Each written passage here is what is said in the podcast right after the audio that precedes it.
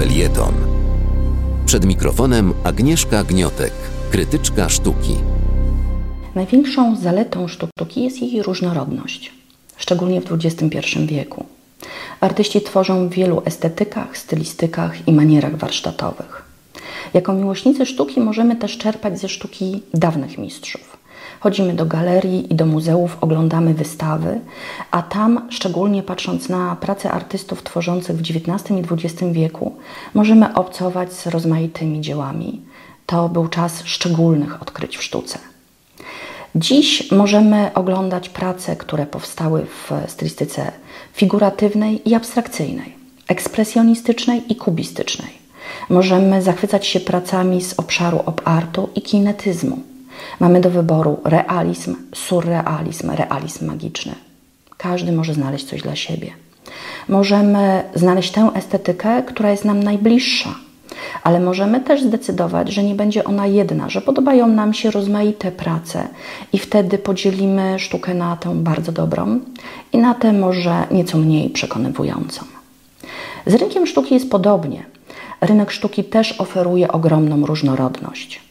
Nie tylko możemy podziwiać i kupować prace powstałe w rozmaitych stylistykach, ale możemy też je nabywać w wielu domach aukcyjnych i galeriach. Część z nich to bardzo duże podmioty, giganci rynku. Inni to małe firmy, w których intensywnie pracuje się nad promocją kolekcjonowania dzieł sztuki. W słusznie minionej epoce gospodarki centralnej było jedno przedsiębiorstwo zajmujące się handlem dziełami sztuki. Tam i tylko tam można było sprzedać dzieło sztuki i tam też je kupić. To dotyczyło wszelkich rodzajów aktywności artystycznej. Tam kupowaliśmy tkaniny, broń, mapy, meble, biżuterię, malarstwo dawne, a także malarstwo współczesne. Kiedy chcemy włączyć światło wchodząc do pokoju, to używamy kontaktu. Kontakt to firma niemiecka, która jako pierwsza takie urządzenie wprowadziła na rynek. Kiedy wybieramy się na kemping e, i chcemy przygotować sobie jedzenie, to zabieramy taką kuchenkę z butlą gazową i najczęściej mówimy na nią Primus. Primus to szwedzka firma, która jako pierwsza takie kuchenki wprowadziła na rynek. Kiedy myślimy o zakupie butów sportowych, to najczęściej mówimy, że idziemy kupić Adidasy, choć potem okazuje się, że wychodzimy z obuwiem zupełnie innej marki. Dla wielu osób, zwłaszcza ze starszego pokolenia, synonimem galerii czy antykwariatów jest Desa. Ona skupiała w swoim ręku przez cały okres minionej epoki cały handel dziełami sztuki w Polsce. Na szczęście dzisiaj tak już nie jest. Co prawda istnieją takie firmy, które mają Desa w nazwie, a do tego przymiotnik, ale mamy ogromną różnorodność. Mamy możliwość korzystania z wielu prywatnych domów aukcyjnych i wielu galerii.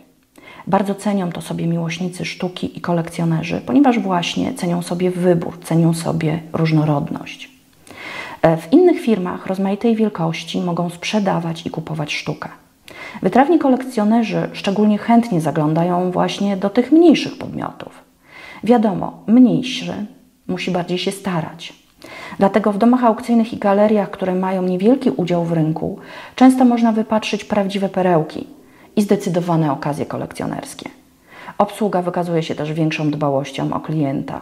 Sprzedając dzieło sztuki, często uzyskujemy lepszą cenę czy lepszą prowizję, bo małemu podmiotowi po prostu bardziej zależy na pozyskaniu dobrego obiektu. Dotarcie do tych mniejszych podmiotów i do ich ofert nie jest dzisiaj już problemem. W dobie internetu i portali internetowych, które oferują przegląd wszystkich dzieł sztuki, jakie w, danym, w danej chwili są dostępne na rynku, to rozeznanie się w ofercie wymaga tylko odrobiny czasu i staranności. W sztuce i na rynku sztuki na szczęście panuje różnorodność. Czasy monopolu jednego kierunku artystycznego i jednego przedsiębiorstwa e, uprawnionego do sprzedaży dzieł sztuki dawno minęły. I miejmy nadzieję, że nigdy nie wrócą. Wspieraj niezależne Halo Radio, które mówi wszystko. www.halo.radio ukośnik SOS. Dziękujemy.